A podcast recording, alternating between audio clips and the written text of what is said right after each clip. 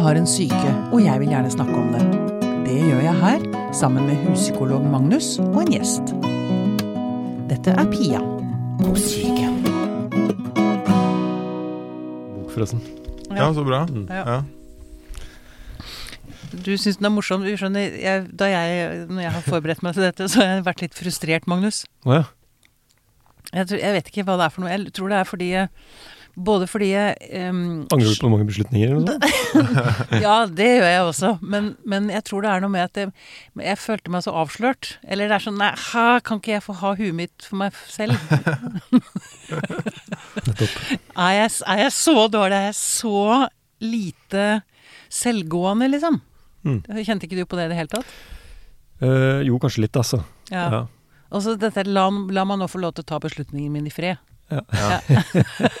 Jeg kan se at det kan fremkalles, ja. Ja, ja. Mm.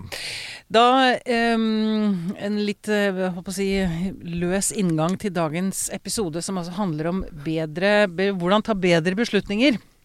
Eh, Velkommen hit, Jan Ole Hesselberg, Takk for det. psykolog. Mange som kanskje kjenner deg fra Folkeopplysningen, og typisk deg. Mm.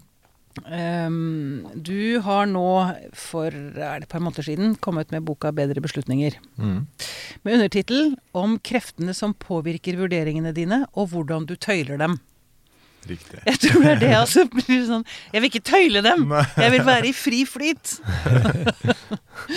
du, eh, du holder også på med en doktorgrad i beslutningspsykologi ved UiO. Ja.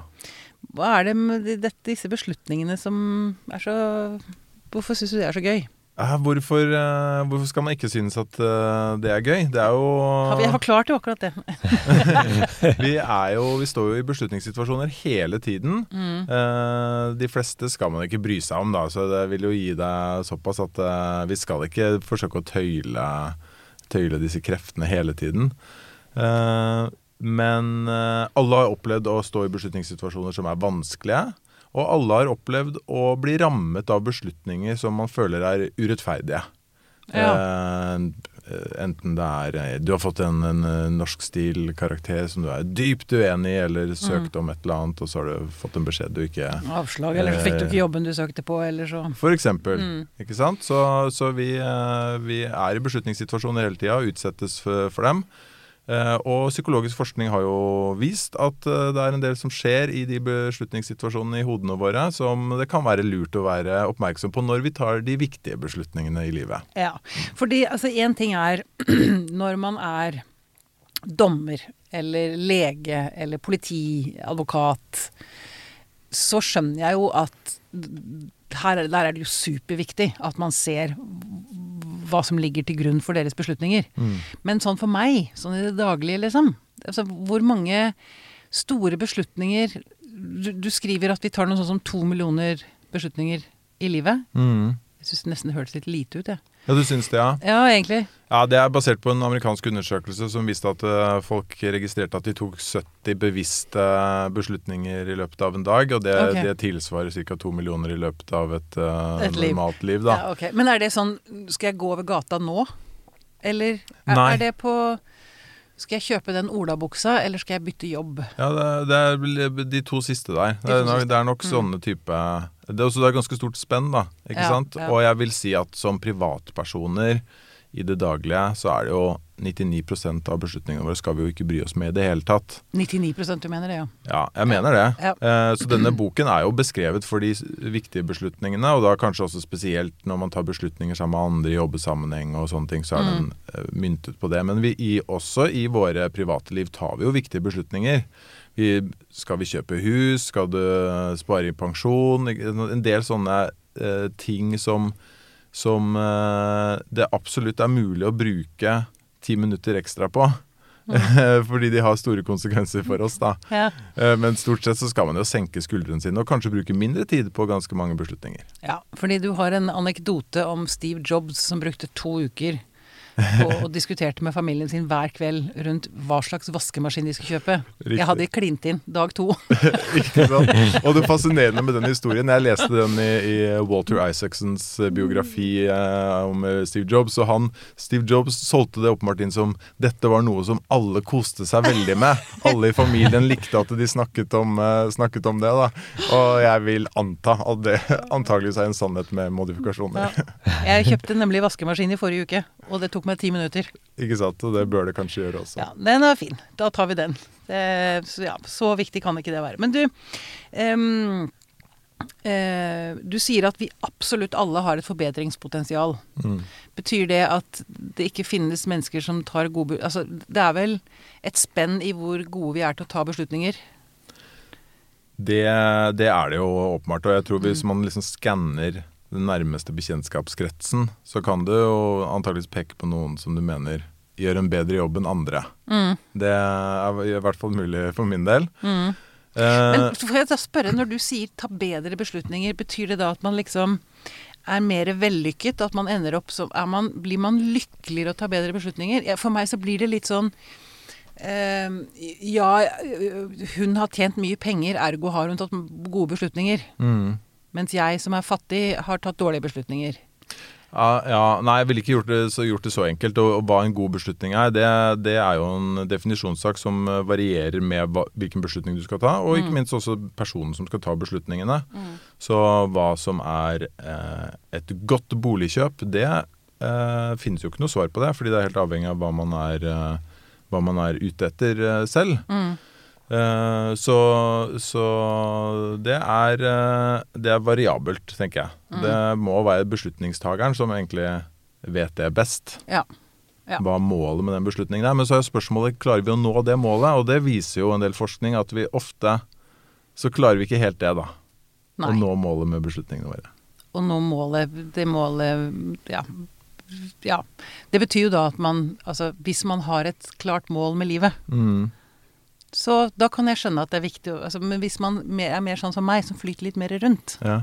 så Altså, en beslutning som kan synes dårlig til å begynne med, kan på sikt vise seg å være den riktige. Absolutt. Det er ja. meget mulig. Dette dette Mm. er jo Men um, for å begynne et sted, da. Det som er uh, litt sk skummelt, syns jeg, uh, når jeg har lest boka di, det er eh, Jeg visste ikke at vi var så lette å påvirke.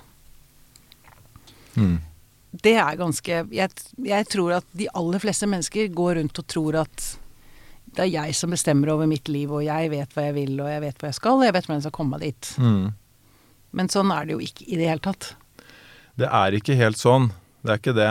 Ehm, jeg vil jo si at det er, det er ikke sånn, sånn kjempeenkelt å kontrollere folk eller uh, å styre folk i, i en bestemt retning. Men, men det skjer en del ting måten vi tar vurderinger på. Mm. Vi kan se det litt som et isfjell. Vi har tilgang til det som er i toppen av det isfjellet. Det er det vi er bevisst på av ting som, eh, som påvirker eh, altså beslutningene våre, og det vi fokuserer på når vi tar en beslutning. Men så er det et isfjell under eh, overflaten også. Som, som er et sammensurium av ulike krefter som, som påvirker oss. Mm. Eh, og det kan selvfølgelig også være andre mennesker som, som forsøker, å, forsøker å påvirke oss i en retning, da. Men det er mye vi ikke har helt eh, oversikt over, da. Mm. Mm. Mm. Ok, så har vi, vi har to, vi kan, Man kan dele inn mennesker i to grupper. Du, eller du gjør i hvert fall det. Mm. Altså at måten å ta en beslutning på. Enten analytisk eller intuitivt. Ja, jeg skal korrigere deg litt der, fordi at det er litt, man er litt begge deler. Ja. Eh, Man har en tyngde kanskje i en av eh, Ja. kategoriene. Ja, Mm. det er ganske vanlig. Så det, det, I boken så presenterer jeg en eh, beslutningsstiltest som er oversatt fra eh, engelsk, som, som er en del brukt. Hvor man får en score da, på hvor intuitivt anlagt man er, og hvor analytisk Mm. eh, man er. Mm. Eh, og det, det intuitive handler om ikke sant, i hvilken grad man lener seg på, på magefølelse og liksom kroppslige fornemmelser og sånn når man skal ta beslutninger. F.eks. Mm. hvis du går inn i et hus, og så, så er du på visning, og så tenker du jeg får gåsehud. Å, det her huset må jeg bare Eller det kjøpe. kryper oppover nakken. Jeg syns det er så ekkelt. Ja, ikke sant? Eh, det, det, er de, det er den mer intuitive stilen. Mens den analytiske stilen, den, de har ganske store eh, informasjonshunger. Ja. At du må samle inn informasjon når jeg skal ta beslutninger. Og ikke minst også veie den informasjonen for og mot Ja. ulike handlingsalternativer. Ja, og da er det sånn Hvor mye strøm går det med her? Hvordan, når ble stigeledningene skifta? Når Ja, Riktig. ikke sant. Alle disse tingene her. Og de, den gåsehuden, den, eh, den legger de ikke merke til for fem flate øre. Nei. nei. Og jeg kan eh, ikke overraskende å si avsløre at jeg scora topp på intuitiv og bånn på analyse. Du kjøpte det podkaststudioet her ganske intuitivt. Det var, Det var rett og slett. Ja, ja. Det er veldig morsomt, for jeg er jo stikk motsatt. Jeg er jo skal jo skyhøyt på analytisk og Ja. lav på intuitiv. Men vi, jeg har også det samme podkaststudioet. Du har også stunta på et podkaststudio? nei, jeg har jo brukt masse tid på å sette meg inn i det, selvfølgelig. Ja. Så, så vi har endt opp med samme beslutning, bare to ulike veier. To da, ulike veier dit, Ja. ja. Men så har jeg lyst til å si da også at er ikke Jeg tror liksom at kvinner helst faller i den intuitive, og menn helst i den analytiske. Ja. Er ikke det bare, bare Nå så kaster jeg et blikk bort på Magnus. Ja, det er sånn eh, Jeg gjetter på det samme. Ja. Hvis det skulle være en gjennomsnittsforskjell der. Ja, på gruppenivå. Ja. Er det, er det ikke sånn? Nå har jeg eh, tittet på det for ikke så lenge siden, bare for å dobbeltsjekke det. Nå er det 6000 stykker som har tatt den eh, testen. Mm. Eh, norske menn og kvinner. Mm. Eh, og det er nesten ingen forskjell mellom kjønnene. Mener du det. Så hvis du, hvis, du tar, hvis du tar og plukker en tilfeldig mann og kvinne fra det utvalget, eh, så er det faktisk bare 53 sjanse at den mannen scorer høyere på den analytiske stilen. Mener du det? Eh, så det er nesten Det er en signifikant forskjell statistisk sett, men for alle praktiske formål så er det jo nesten like sannsynlig da at det er en kvinne som, Mm. som, eh, som scorer høyere. Ja da. Jeg, ser, jeg har jo absolutt venninner som jeg ser er vesentlig mer analytiske enn meg. Ikke sant? Ja, ja, så, så det er kanskje det, Og det er bekreftes av internasjonal forskning også, ikke bare denne, eh, denne testen jeg har eh, gjennomført. da. Men jeg har vondt for å se at en mann kan gå inn i et hus og si han får gåsehud, så dette huset må jeg ha. ja, det kan skje. Ja, kan det det? Ja, ja. Ja, det kan kanskje det. ja. Ja, det, kan jeg, jeg kan se meg selv gjøre det, ja men ikke sant. Ja. Det, Ja. Jeg kan tenke meg faktisk at du er nok mer i den Eller at du også Jeg, stoler mye jeg var på begge deler, veldig høy på begge deler, fant jeg ut. Ja, ja, ja. ja. Mm, Men eh, jeg tror nok faktisk jeg heller litt mot analytisk, ja. Men jeg kan være ganske intuitiv òg, ja. ja. Jeg tenker, ja. For det, det kan vel være en idé å holde på å si beherske begge. Altså jeg burde kanskje jobbe litt med mine analytiske evner, holdt jeg på å si. Min, ja, min analytiske fremgangsmåte. Ja, jeg må tro man tenker på det som ikke sant? Det er tendenser vi har, men, men det er jo både det å gå for intuisjon og det å være analytisk har jo sine styrker og svakheter i ulike situasjoner. Mm. Um, så, uh, så det handler jo egentlig om å liksom mønstre de gode redskapene der de gjør mest nytte for seg. Ja. Uh, og når de er best å bruke, så eh, Så det er et viktig poeng. Man må ikke liksom tenke at det er, en, at det er en eh, bra eller dårlig nødvendigvis å ha de ulike stilene. Nei. Nei. Men hvis man har det med å ta veldig mange dårlige avgjørelser, så kan det være en idé å begynne å se på mønstrene sine. Det er nok lurt å reflektere litt over det, iallfall. Ok. um, og så har jeg også lyst til å snakke litt om uh, at denne hukommelsen vår, den tror vi, har vi også ståltro på. Men Mm. det også er jo bare tull.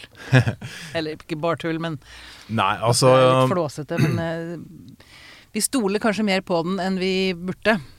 Eh, ja. Jeg vil jo si sånn på generelt grunnlag, den boken handler jo en del om liksom svakhetene i, i våre vurderinger. Men det er viktig å understreke ikke sant, at dette her er jo dette er snarveier eh, som vi tar i vurderingene våre, som har fungert eksepsjonelt bra.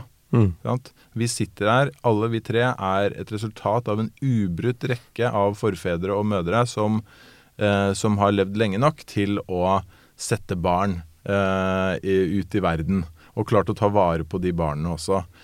Eh, og sånn er det med hukommelsen vår også. Den er jo den Jeg skriver en del om hvordan den feiler, og det kan vi snakke om, men vi må huske på at den er jo eksepsjonelt bra. Jeg Mm. sitter jo her i dag. For jeg vet at jeg skulle komme hit. Jeg har Mm. klart å huske det. Eh, Jeg kjenner igjen ansiktene deres fra noen bilder. Det er også hukommelsen min som eh, hjelper meg med det. Mm. Eh, Og jeg klarer å leve et liv hvor jeg korresponderer med eller snakker med andre mennesker. Mm. Og du klarer Eh. å snakke om boka di som du har skrevet, så du husker den. Ja, ikke sant. Så det er jo egentlig Det funker kjempebra. Ja. Men det, hukommelsen vår er ikke et sånn enormt presisjonsverktøy. Det er ikke sånn at vi, vi husker ting presist eh, og veldig nøyaktig. Vi husker det godt nok. Eh, og det er en utfordring. ikke sant? At vi, når vi, Masse forskning som viser det. at eh, Nevner én studie, da, bare så bruke den som eksempel. Eh, hvor eh, folk blir bedt om å huske eh, high school-karakterene sine noen år etter at de har gått på high school. Mm. Eh, og da husker de det med 70% nøyaktighet. Men de husker, de husker de gode karakterene kjempegodt. Og så går det gradvis nedover etter hvert som du beveger deg nedover karakterskalaen. da. så det er en litt sånn selektiv eh, hukommelse. Ja. I tillegg så er det, er det jo mye forskning som viser at vi blir påvirket eh, av hva andre forteller oss, og det kan blande seg inn i våre egne minner. Mm. Eh, ja, og Det er jo grunnen til at man kan være veldig forsiktig med vitneavhør og sånne ting. For det er lett å påvirke vitner til å huske ting som ikke har skjedd. da. Mm. Ja, det har vi noen grelle eksempler på opp gjennom historien. Ja. Mm. Mm. På at politimenn tar har fattet en beslutning, og så presser de vitnene dit, dit, liksom. Forklaringene. Skviser dem inn i forklaring som passer dem. ja, og hvor, hvor det faktisk eh, i noen tilfeller ender med at, eh, at folk husker hendelser som ikke har skjedd. Mm. De overbeviser seg selv om at det må ha skjedd. Mm. Etter mye press, eh, press da. Mm. Mm. Mm. Det er jo slagsiden med at man husker de gode karakterene. Og også gjerne det at man eh, er mer fornøyd med beslutninger etter at man har tatt de, eller at man liksom på en måte rosemaler eh, litt, da. Mm. Eh, det er jo det motsatte av det man ser ved depressive tilstander. Det, skulle, det var neste spørsmålet Eh, mitt, er ja. akkurat dette med For da Så i- For meg så var det i hvert fall veldig sånn aktuelt når man leser den boken, altså tenke på alt som går galt, eller liksom alt som Alt som dreier seg rett og slett om beslutninger, anger, tvil, mm. ruminering, eh, Mm, som skjer mm. ved depresjon. Mm. Som egentlig er den der gode flyten vi hopper over da, i normaltilstanden, eller som vi slipper. Mm. Eh, fordi vi har en del eh, slagsider ved både hukommelsen og, og at uh, følelses, følelseslivet vårt uh, driver oss fremover, istedenfor å henge, henge fast. Ja. Så det er jo Ja. Men Mm. altså, for når man uh, eh, har en depresjon, så blir jo alt mye mer svartmalt. Men er man kanskje også altså, Tar man dårligere avgjørelser når man er deprimert? Altså det er eh, det å vanskelig med å ta beslutninger er et kjernekriterium ved Ja. mange depresjoner. Mm. Så konsentrasjonsvansker eller vansker med å ta beslutninger, det er på en måte i kjernen ved manges depresjon. Og, og gjerne det med beslutninger er det folk kjenner seg mest igjen i. Ja. De bare kan bruke dagen på å stå og ikke vite hva de vil. Uh, og da er det jo intuisjonen som svikter. Altså den Mm. giveren, lysten, Mm. den, den følelsen som gir retning. Mm. Og jeg vet ikke om du, du er sikkert med, mye kjent med dette her, men jeg husker Antonio Damasio skriver i en av sine bøker om en som har en hjerneskade som rammer denne intuitive evnen til å, å ta eh, til å føle. Eller den eh, følelsen, intuisjonen, som gjør at han blir bare stående etter denne hjernen hodeskaden og ikke klarer å ta beslutninger om noen, noen ting. Ja, det er morsomt. Jeg nevner den i boken også, ja. den, eh, det kastet der. Ja. Og det var jo en eh, veldig intelligent eh, forretningsmann som eh, måtte gjennomføre en hjerneoperasjon pga. en svulst, og beholdt sin skyhøye IQ Mm. i, etter den eh, operasjonen. Mm. Men som, eh, det, ja, men som eh, mistet det litt der, det følelsesmessige pushet man trenger for å ta, ta beslutninger. Ja, hele livet hans rakna. Fullstendig. Fullstendig. Ja, ja. Men det likevel skyhøy IQ, IQ, sånn Mensa-nivå. Ja. Eh, men han klarte ikke å ta beslutninger, fordi han hele tiden holdt på med sånn kost-nytte og eh, analyser. Og Ja. Han beholdt rasjonaliteten sin, på en måte, den analytiske Men- siden av seg, men eh, manglet Ikke sant. Pushe. Ja, fordi han var sånn som ikke klarte å bestemme seg for om hvilken restaurant han skulle gå på. Mm. Fordi det var for og imot, uansett hvordan han snudde seg. Ja. Mm. Og han klarte da ikke å som du sier, han fikk ikke den følelsen som gjorde at han tok beslutningen. Og da kommer vi over på dette med at følelser er jo faktisk veldig viktige når vi skal ta beslutninger. Ekstremt. Og det, Mm. det å Vi tror at vi skal være veldig rasjonelle og kjølige, Ja. men vi er jo ikke det. Nei, og det, Og vi vil ikke være det heller. Nei, vi vil ikke det, og det er det et eksempel på. Da. Og vi, og, altså, det, det er en illusjon at vi kan ta beslutninger eh, uten følelser. Fordi den, Hvis man ser for seg en sånn kost-nytte, eller sånn samle informasjon og kost-nytte-vurdering, det kan man gjøre i det uendelige for nesten den mest banale beslutning. Så f.eks. det å velge restaurant. da. Du kan holde på i evigheter. Det betyr jo skal du vurdere alle restaurantene i Oslo etter hvor mange kriterier. ikke sant? Du kan holde Ja. på i det uendelige. Mm. Så du trenger noe som setter en strek, og som, eh, som dytter deg videre, da. Sult. Ja, så jeg er sult, ja, til syvende og sist så blir det det, da. Eh, I verste fall så er det det som driver deg. Ender opp på McDonald's? um, det finnes en god del tankefeller Mm. vi går i. Em, kan ikke du eh, fortelle litt om dem, og de viktigste, altså de vanligste tankefellene vi har det med å gå i? Ja. Eh, kan kanskje begynne med, begynne med den som kanskje er den aller eh, Som rammer oss mest da når vi skal ta viktige beslutninger, vil jeg si. Det er det som kalles bekreftelsesfellen, eller confirmation bias på, på engelsk. Og det handler om at vi har en tendens til å bekrefte de antagelsene vi allerede har. Ja. Så hvis du hvis du tror på en ting eller du føler deg trukket mot en type beslutning, så har, samler vi informasjon som støtter det. det. ja som et, eksempel. Så, Jeg, eh, jeg, hvis du har et eksempel på det, at vi, at vi liksom eh, nei, altså de mest eh, De, de sånn grelleste eksemplene på det kommer gjerne fra sånn politietterforskning, ikke sant? Ja. Hvor, hvor, uh, hvor politiet låser seg litt i en hypotese. mm, Uh, og så ignorerer de helt åpenbare, eh, åpenbare tegn på at de er på feil spor. mm, Eh, jeg bruker et eksempel i boken, Monica-saken. Forferdelig sak hvor en åtte år gammel jente ble funnet eh, død. Og politiet konkluderte veldig tidlig med at det var selvmord. mm. Selv om det egentlig aldri Veldig, veldig sjelden. Ja, det skjer jo ikke. Det, det var eh, Ja, det finnes registre over det, men det er jo så å ikke forekommet de siste 100 årene eh, i Norge. Og så overså de sånne helt åpenbare tegn på at, eh, at eh, ekskjæresten til, eh, til moren eh, burde vært en helt naturlig mistenkt, da. Mm.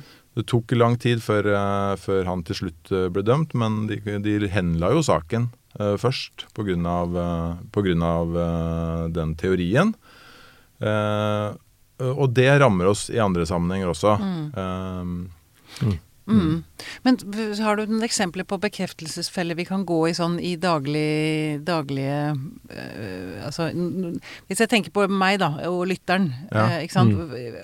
Vi tar avgjørelser, og så skjønner vi kanskje ikke helt hvorfor vi tar avgjørelsen. Og hvis vi skal lære oss opp til å ta bedre avgjørelser, så må vi være oppmerksom på disse, mm. disse tankefellene. Ja. Øh, altså eh, Kanskje er det sånn natur, eller en enkel sånn hverdagseksempel på, på det kommer eh, Jeg kan også bruke en studie for å beskrive det. Da. Der fikk folk tok en IQ-test, og så fikk de beskjed om at eh, Tilfeldig da, i to grupper fikk den ene gruppen beskjed om at eh, du gjorde det kjempebra på den IQ-testen. Mm. Og den andre fikk beskjed om at de gjorde det veldig dårlig. Mm. Eh, og så ble de satt i et rom hvor de kunne lese om den IQ-testen. Eh, og Da kunne de velge informasjon som eh, viste at den IQ-testen var kjempegod eller veldig dårlig. Eh, og da var jo det, det svaret du fikk, påvirket da hvor mye tid du brukte på, på den informasjonen. da. Så Hvis du fikk beskjed om at du var, uh, gjorde det veldig dårlig, så brukte du mye mer tid på å lese om hvor forferdelig den IQ-testen var. Mm. Og det er en fin måte å opprettholde et sånn passe godt selvbilde på, selvfølgelig. Men når du skal ta viktige beslutninger, så bør du være oppmerksom på at hjernen ganske automatisk dytter deg i retning av den informasjonen du helst eh, vil ha. Så hvis du tenker liksom ah, det, det huset der kunne jeg tenke meg å bo i, for å bruke det eksempelet igjen, da. Så, så bør du ganske aktivt lete etter informasjon som tyder på at det ikke er et godt valg. Ja. Fordi da vil du ende opp med å ta en bedre beslutning. Hvis du aktivt søker noe som contradict, hva heter det? Eh, motsier. Motsier, ja. ja. Mm. Din holdning. Ja. Eh, og det, jeg tror bare man må mer, Hvis du merker at du har en sånn tendens i en retning, så bør du ganske jobbe en del med å finne den informasjonen som går litt imot deg. Hvis det er en viktig beslutning, da. Hvis du bare har lyst til å kose deg med beslutningen din, så spiller det ikke så stor rolle. Jeg tenker på altså, Du som behandler, Magnus, eller når man er behandler, Mhm. så vil det vel også eh, Det må jo være utrolig viktig å være oppmerksom på disse mekanismene når man skal f.eks. sette en diagnose Mm. på et menneske, altså som er en ganske stor beslutning. Ja. Og det er vel lett gjort at man har lyst til å I hvert fall med, ikke sant, man skal bli fort ferdig og sånn, at man finner en diagnose, og så leter man til tegnene som liksom bygger opp under den. Ja. Uh, og det er jo uh, Ja, det er eh, Det er jo kriterier som ber Diagnosene ber jo Altså de er jo definert ved at de ber deg om å lete etter spesifikke ting. Mm. Spørre etter spesifikke ting. Mm. Så det er eh, absolutt klart at det å samle inn nok og mye informasjon og vurdere den helhetlig med alt som veier for og imot uh, Nå er jeg såpass heldig også at jeg jobber i et team hvor vi jobber fokusert inn mot en diagnosegruppe, hvor vi er mange. Mm. Så vi vil gjerne bli enige også. Så, at, uh, så det hjelper nok også eh, å gjøre, ta den endelige beslutningen i fellesskap. Mm. Eh, For da kan du få hjelp fra andre til å, eh, til å belyse de eh, aspektene ved personen som du kanskje ikke selv har vært så veldig oppmerksom på. Mm. Ja, men var det ikke, Sa du ikke noe om dette? Hvorfor har du ikke Mm. vektlagt det mer? Mm. Eh, Da kan man, i sånne tilfeller kan man i hvert fall da selv bli litt overrasket over at man over at nei, det finnes kanskje ikke så veldig god grunn til at jeg, man eh, ikke vektla det mer. Mm. Så ja, det å støtte hverandre og, og, å ta gode beslutninger, det ja. Mm.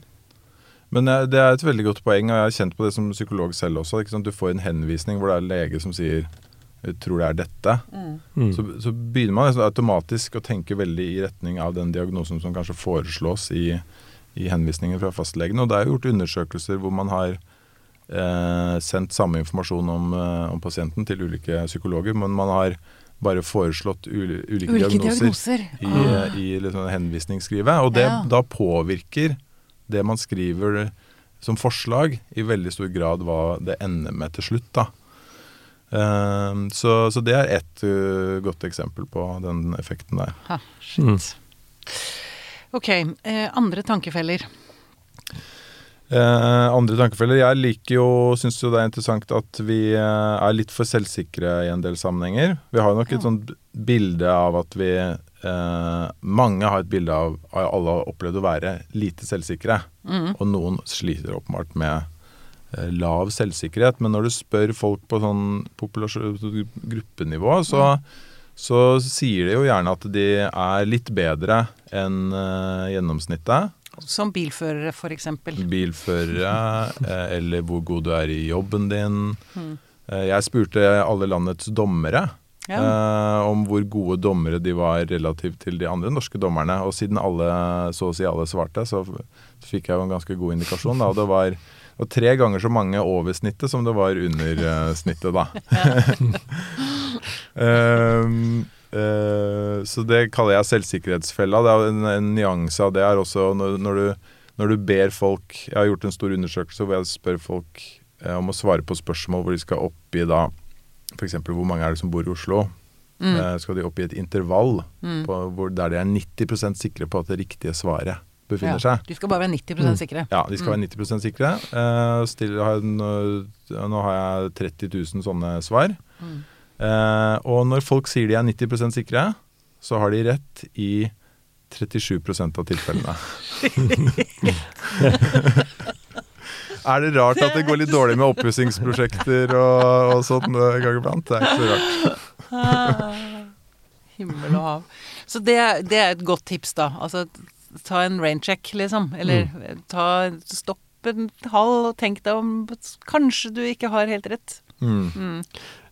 Det der, det der med den bekreftelsesfella, jeg kom bare til å tenke på at det er med disse ekkokamrene på nett. Ja. Eh, fordi eh, det er jo en litt sånn ny tilværelse. Vi har snakket om det her i podkasten tidligere og sånn, med at man kan velge sitt nyhetsunivers og, Mm. sin, eh, og, få, pro, og få sin profil på, på informasjonsflyten fra samfunnet. Mm. Og der også gjør man jo egentlig ganske mange valg, egentlig, om Mm. hva man, om hva man oppsøker av eh, kilder til Og meninger og holdninger. på. Mm. Ja, hva man, ja, Mm. og som også sannsynligvis også gjør eh, preger hva man står for, da, holdninger og polit, også politisk. Mm. Og at man blir mer selvsikker. Man blir sikkert eh, Fordi man får det bekreftet Mm. om igjen og om igjen. Algoritmene sørger for at meningen din, din blir bekreftet. Ja. mm, Og vi har litt sånn, Det er jo blitt dob- dobbelt lag av algoritmer. da, For du har en slags sånn biologisk algoritme som gjør det samme i utgangspunktet. Mm. Bekrefter. Og så har vi de sosiale mediene som også ligger på toppen av det på hele. da. toppen av det hele. Mm. Mm. Ok, andre tankefeller vi må være oppmerksom på? Eh, nei, hvilke har vi vært innom nå? Vi har jo snakket litt om følelser, de positive med følelser. da, At det dytter oss i en riktig retning. Men, men følelsene våre de blander seg også veldig inn i, i, eh, i beslutningene våre potensielt på negative måter. Så hvis, Mm. hvis man er veldig blir skremt og holdt på å bli påkjørt eh, når du går over gata, så, så vurderer du verden litt annerledes enn om du nettopp har fått en eh, fotmassasje. Um, så, så det at vi drar med oss følelser fra en situasjon til en annen, og det påvirker beslutningene våre, det, det er eh, også en felle Mm. eh, vi går i. Mm. Mm. Tror jeg mange kjenner seg igjen i. Mm.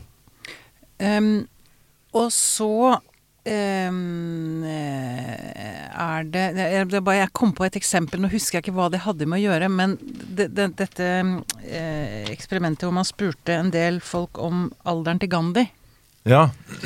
Nå husker jeg ikke hva det knyttet seg opp til, men det altså er jo helt fascinerende hvor på, hvor, hvordan vi blir styrt, liksom, ja. av Mm. det som skjer foran. Det du sikter til, er eh, det som kalles forankringsfellen. Forankringsfellen, ja. Ja. Og det jeg er helt enig med deg, det er noe av det mest, eh, mest eh, spektakulære, vil jeg si. da. Eh, og det gjorde jeg også med norske dommere, faktisk. Jeg stilte dem et spørsmål som er brukt i forskningen tidligere. Hvor gammel ble Mahatma Gandhi? Mm. Eh, men så ble dommerne delt i to ulike grupper. Mm. Der den ene først fikk spørsmålet eh, hva ble Gandhi over eller under ni år? Mm. Alle klarte å svare, svare rett på det spørsmålet. Mm.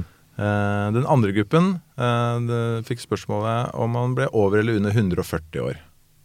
Mm. Så to tullete spørsmål. Alle skjønner at det ikke skal ha noe med, med svaret ditt på det neste spørsmålet å gjøre, men likevel så påvirker det i stor grad. Så forskjellen på de to, eh, de to gruppene er jo i snitt tolv år eller noe sånt nå, eh, i, i hvor gammel han ble, da.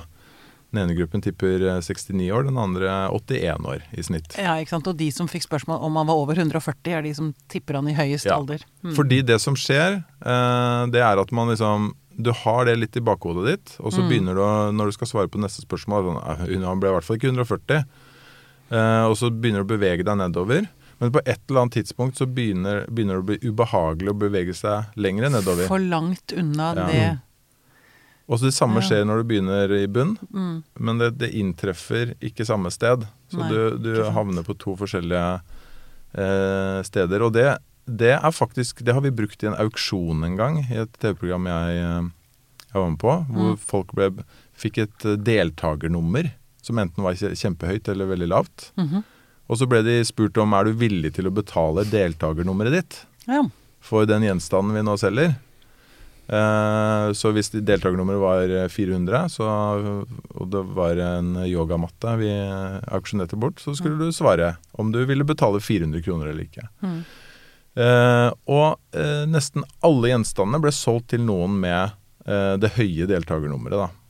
Så de var villige til å gå høyere og fordi de hadde De- høyt deltakernummer? I snitt, det var bare to deltakernumre, et høyt og et lavt. I snitt så betalte de over dobbelt så mye for gjenstandene, og de brukte sine egne penger på det. De var forpliktet. Vi hadde det høyeste budet, så måtte de kjøpe. Det er helt sprøtt. Mm. Ja. Det er Og faktisk det er det. ganske skummelt. Ja, det er litt skummelt. Ja, Det er det. jeg syns det. Det som også, som også er eh, påtagelig, eller som også gjorde inntrykk på meg da jeg leste boka, er dette med at vi er så opptatt av å være enige med andre. At Mm. du snakket om det i sted, at dere, når dere tar en Altså, dere snakker sammen om pasienter. Mm. Som jo er en veldig god ting. At man vet jo at flere sammen klarer, klarer ting bedre enn én en enkeltperson. Mm. Men eh, dette med at avgjørelser eh, At man, man kan bli redd for å snakke mot gruppa. Mm. Å stå alene mot gruppa, som gjør at man både kanskje ikke kommer med informasjon man sitter inne med, men òg at man ikke kommer med meningen sin fordi man er redd for å være tjukk i huet, eller å bli mobba, eller altså bli sett ned på, eller hva vet jeg. Mm. Det kjenner vi jo igjen. Altså jeg, jeg kjenner i hvert fall det. At jeg velger å holde kjeft fordi alle andre er så enige at da må jo jeg ta feil. Mm. Og det, det, er en veldig, det er en veldig, veldig skummel ting. Det er det. Uh, og du, du er inne på noe, ikke sant. På den ene siden så har du Gruppen har et potensial for å virkelig høste all den kunnskapen som ulike menneskene i gruppen eh, sitter på. Og er jo et vanvittig kraftfullt verktøy når man skal ta, eh, ta beslutninger, og ikke minst jobbe i retning av å faktisk håndheve den beslutningen etterpå. Um, men samtidig så fyller gruppen for oss mennesker også andre formål. Sant? Det skal Flokken. Være, ja, det skal være flokken vår. Den skal gi oss trygghet eh, og omsorg og, eh, og, og fylle helt andre formål enn det å ta optimale beslutninger. Um, eh, så, øh, og noen ganger så er det bare Det er bra at vi er Det viktigste er kanskje at vi blir enige, snarere enn at vi blir en god tar en optimal beslutning. Fordi den enigheten og den harmonien som er i gruppen, også gjør oss mer i stand til å faktisk eh, gjennomføre en oppgave. Mm. Så, eh, så, så evolusjonært sett så er vi nok sånn rigget til å liksom passe sammen med andre mennesker og ta hensyn til andre mennesker. Mm. Eh, problemet med det er jo selvfølgelig er jo akkurat det du sier, ikke sant. At eh, når vi sitter i en gruppe og diskuterer en viktig ting, så, så tenker vi ikke bare på hva er det viktige Nå må jeg få delt alt jeg har av kunnskap og mener om dette. Mm. Jeg tenker også hva er det Pia tenker om meg nå, når jeg sier dette. Mm. Eh, ah, og så tenker du også, veldig vanlig, eh, viser undersøkelser, at ah, det, det som jeg tenker på nå, det er jo så selvsagt at det eh, har selvfølgelig de andre allerede tenkt på. Ikke sant. Eh, så blir det bare teit av meg å nevne, nevne det. Eller man tenker at oi, her virker det som alle sammen begynner å bli enige. eh, Så da er det ikke noe vits i at jeg sier det som jeg har tenkt å si, fordi eh, det vil ikke gjøre noe fra eller til. Mm. Det er masse som skjer i hodene til deltakerne som, som dytter oss litt bort fra eh, det som er eh, potensialet i gruppen, til å, til å eh, ta Virkelig maksimere ja.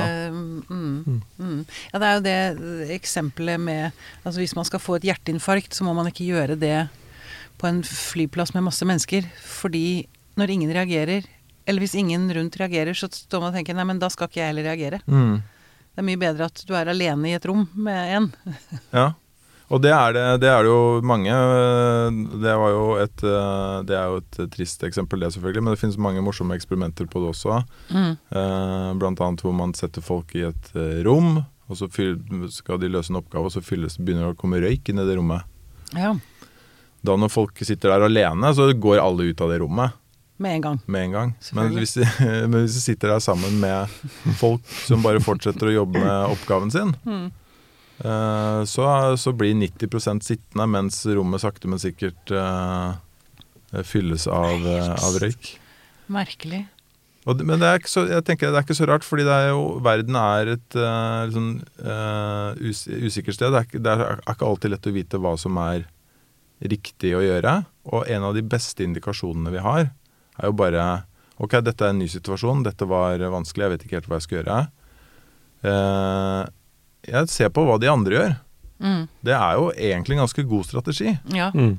Um, så, Men det så, går an å tenke selv òg.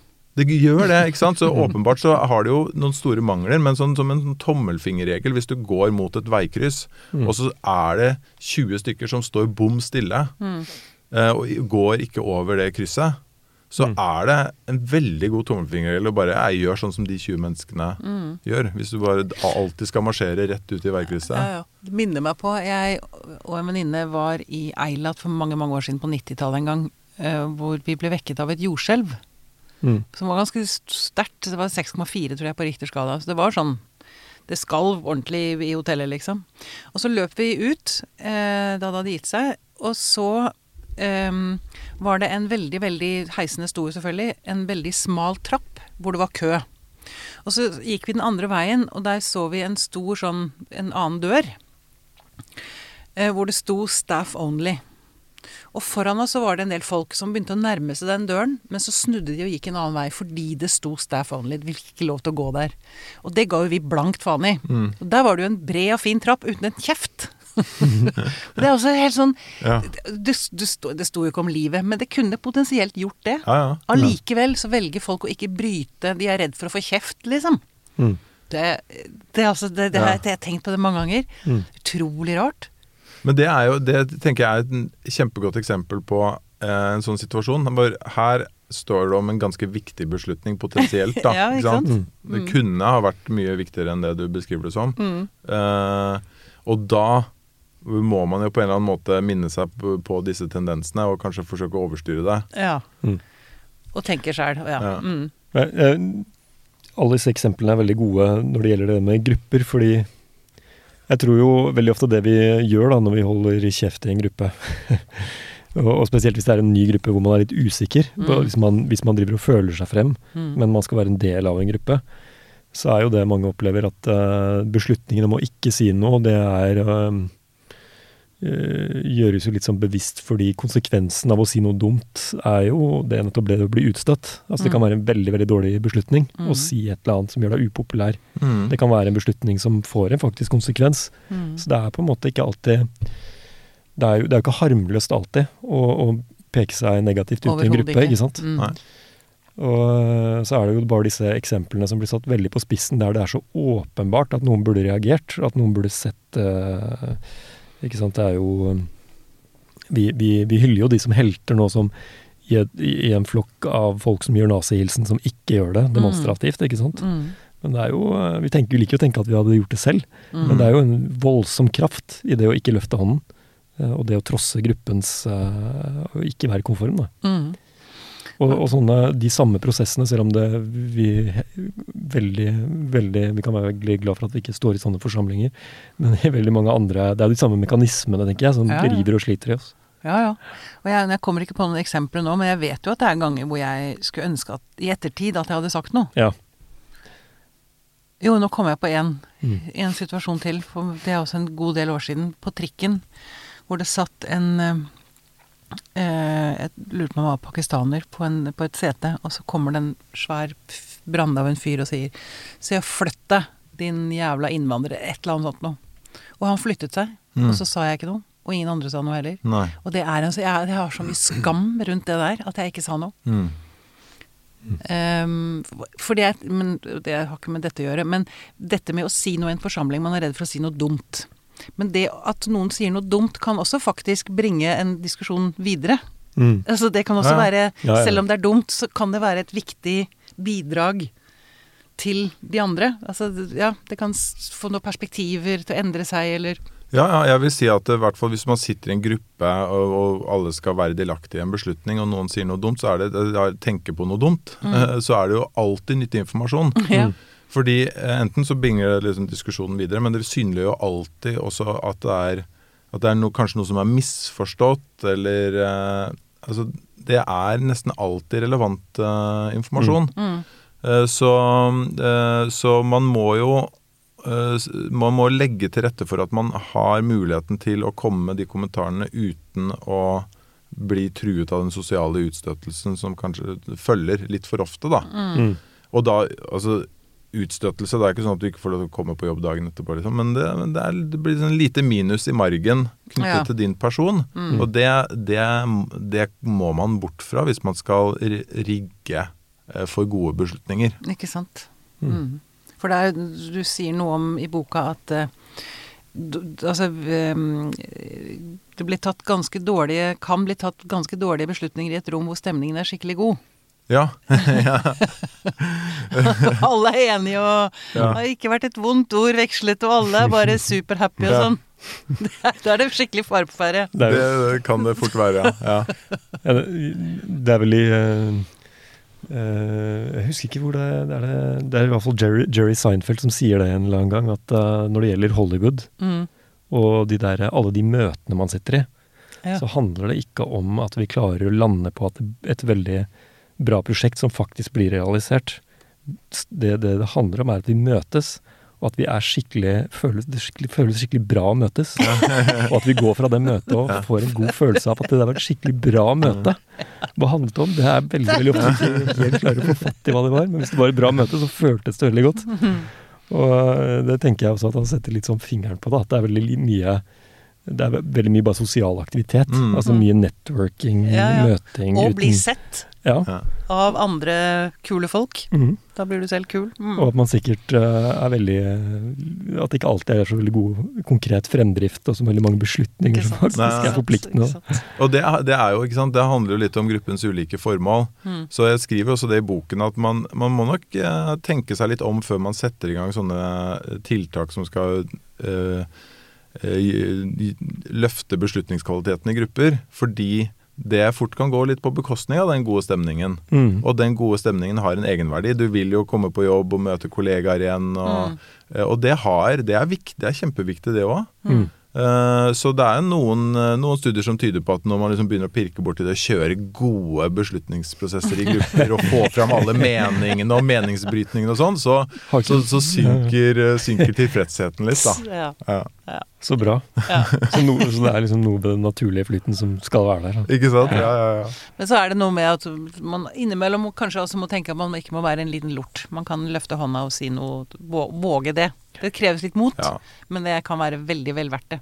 absolutt. De, de som gjør det, er de, Jeg opplever mine erfaringer med det når folk sier et eller annet i møtet som ingen andre sier. Det er jo Mm. gjerne den personen man beundrer litt. Mm. Altså som har ganske mye styrke, og, Ja. og veldig veldig ofte så er det jo befriende Mm. når Ja. folk kommer og si, sier et eller annet.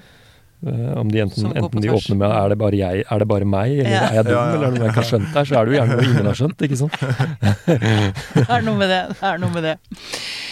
Du, Jan Ole. eh, støy. Vi Mm. må snakke litt om det. Det har jeg grudd meg litt for, for det, det syns jeg var litt komplisert. Det er Men vi må ta det. Ja.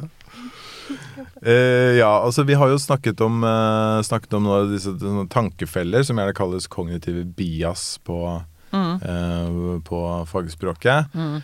Um, og bias, det betyr uh, skjevhet. Mm. Um, så um, f.eks. at folk er litt for optimistiske uh, når de skal planlegge for framtiden. Det er en bias. Det er en, det er en skjevhet. Alle liksom, trekker litt, grann, stort sett litt grann i retning av at de er litt for optimistiske. Ja, jeg skal pusse opp på to uker. Du skal pusse opp på to uker, og så Mm. tar det fem uker. Så eh, blinken, altså midten av blinken, er, er, det, er å si at det tar fem uker. Mm.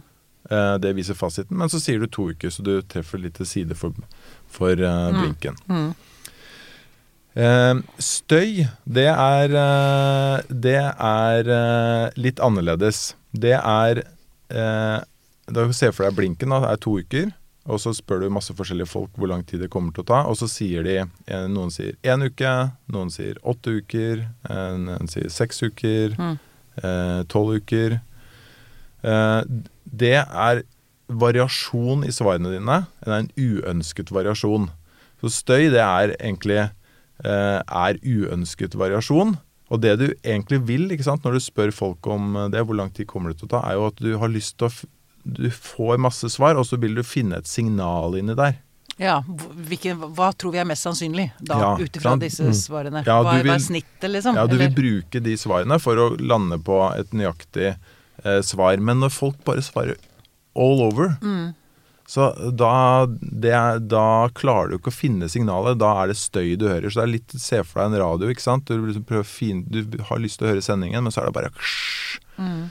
Eh, litt sånn er det med, eh, med vurderinger og når man snakker om støy. Så Men støy, da snakker vi alltid om et utvalg folk. Det er ikke Ja. noe med egne beslutninger. Ikke sant? Det er det som gjør det så vanskelig å, å snakke om, fordi det er egentlig et statistisk fenomen. Du må ha flere målinger av vurderinger, Mm. enten fra ulike mennesker Mm. eh, som vurderer samme ting, eller u, samme person som vurderer samme ting til ulike tidspunkt. Mm. Så du, du må liksom beregne det. Men, eh, og det gjør det litt vanskelig å snakke om, men det er nok det som er den største trusselen mot beslutningskvaliteten vår. Til, nå snakker vi om grupper, altså i bedrifter eller i eh, en jury eller en Eh, ja, altså det er der vi kan måle det godt, men, men det er, finnes i livene våre likevel. Ok. Eh, så ikke sant, vi er Jeg skriver om det, jeg skriver om det i, eh, i boken, at det er eh, Jeg driver, eh, jobber for en stiftelse som jobber med søknadsbehandling. vi deler ut masse penger. Og da var det Stiftelsen Dam. Stiftelsen Dam. Mm, bare for Ja. å si det. Mm. Og der, der var det en eh, gang en som skulle vurdere en søknad, som fikk, eh, fikk eh, ved et uhell samme søknad to ganger. Mm. Med tre ukers mellomrom. Og da hadde han lest masse ulike andre søknader mellom der.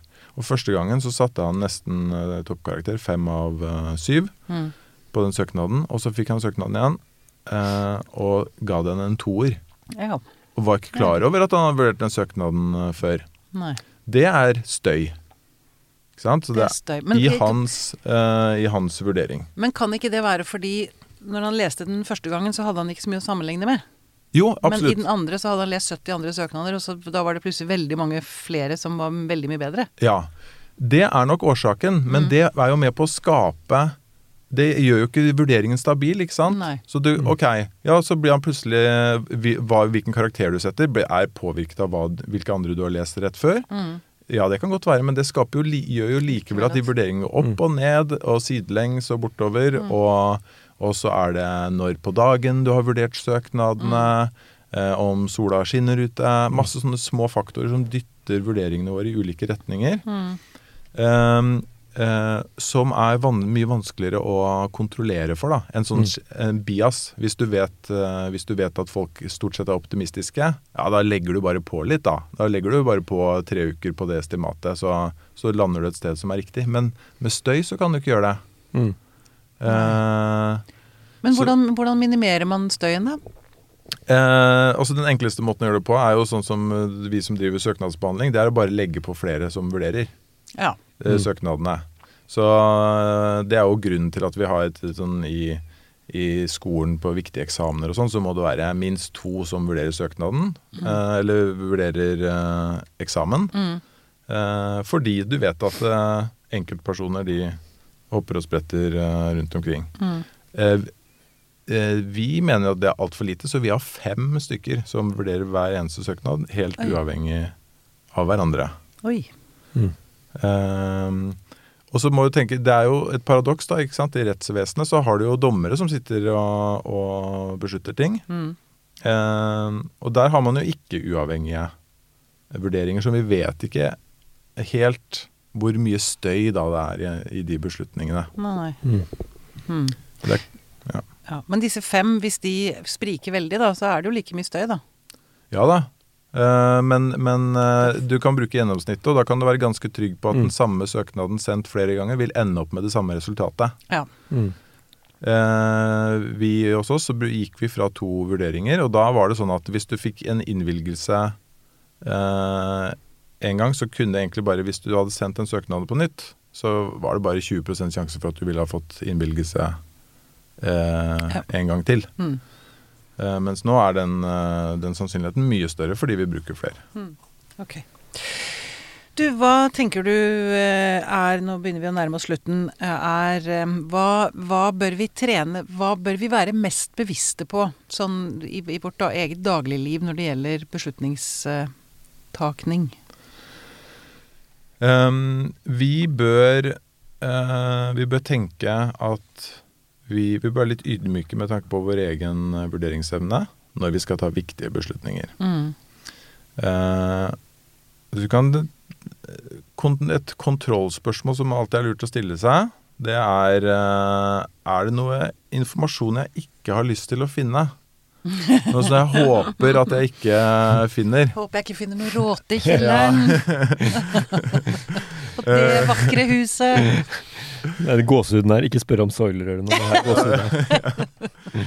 Så det er et godt kontrollspørsmål. Og så er det, en, eh, så er det også noe forskning som er gjort eh, på, som, som virker eh, ganske bra i å korrigere egne vurderinger. er at Når du nærmer deg en beslutning, Mm. så si at du, si at du skal kjøpe det huset, da. Mm. At du, eh, du virkelig tenker at det skal jeg gå for. Så må du eh, tenke at Se for deg at den vurderingen er skikkelig dårlig. Eh, at det viser seg at den beslutningen er en elendig beslutning. Mm. Om et år så sitter du i det huset, og river deg i håret over at du kjøpte det huset. Mm. Hva var det som skjedde i løpet av det året som gjorde at Ja. det Forestill deg det verste, liksom. Ja, forestill deg det verste, og at resultatet blir det verste. verste. Ja. Og så må du selv bruke litt tid på å tenke hvordan kan jeg ende opp i den eh, ille situasjonen. Situasjonen. Mm. Og det funker også i en gruppe, ikke sant? For da kan folk gå hver til sitt Mm. og tenke på hva som har gått galt i løpet av det imaginære året. Mm. Eh, og min erfaring da, når man gjør den øvelsen, det er at folk kommer tilbake med ganske gode Mm. eh, innspill, og de kommer med forskjellige innspill. Så vi ville antageligvis ha tenkt på litt ulike ting. Um, og man, det man gjør, er jo at man flytter da aktivt dytter hjernen i retning av ok, du fokuserer veldig helt naturlig på den informasjonen som backer opp rundt den beslutningen nå. Mm. Den, den jobben gjør hjernen din godt nok uansett. Mm. Den gjør den litt for mye. Så liksom aktivt dytte den i retning av den, som ligger i, den informasjonen som ligger litt i periferien, da. Ja. Uh, det er et er godt tips. Hva vil jeg ikke vite? Det er et veldig bra, veldig bra tips der. Er det noe til slutt eh, du eh, føler at du ikke har fått fortalt om boka di? Som er viktig å ha med som Nei, altså det jeg vil jo Jeg vil bare understreke det poenget, ikke sant. At, eh, at man må tenke at disse snarveiene som hjernen tar, de er jo egentlig en gullgruve. Det er jo fantastisk hvordan vi kan ta raske beslutninger og leve sammen med andre mennesker sånn i passe harmoni, stort Ja, ja.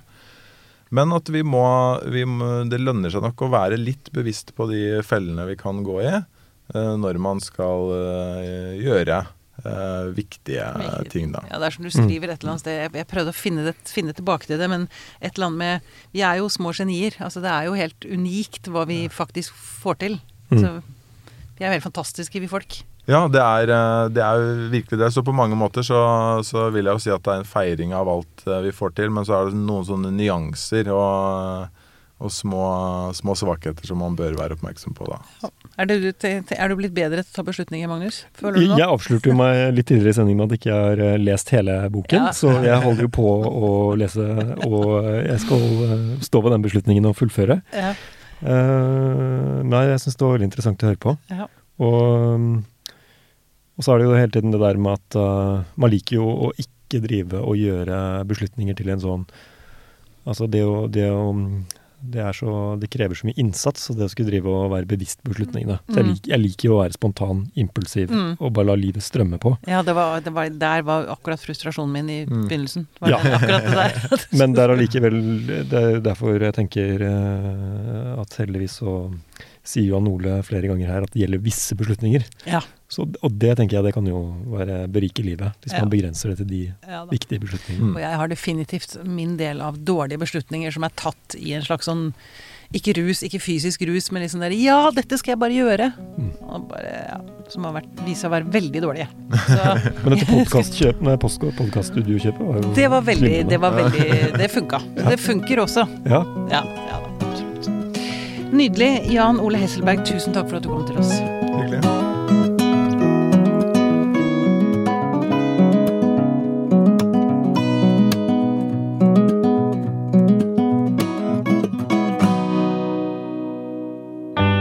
Denne podkasten er produsert av Tid og List.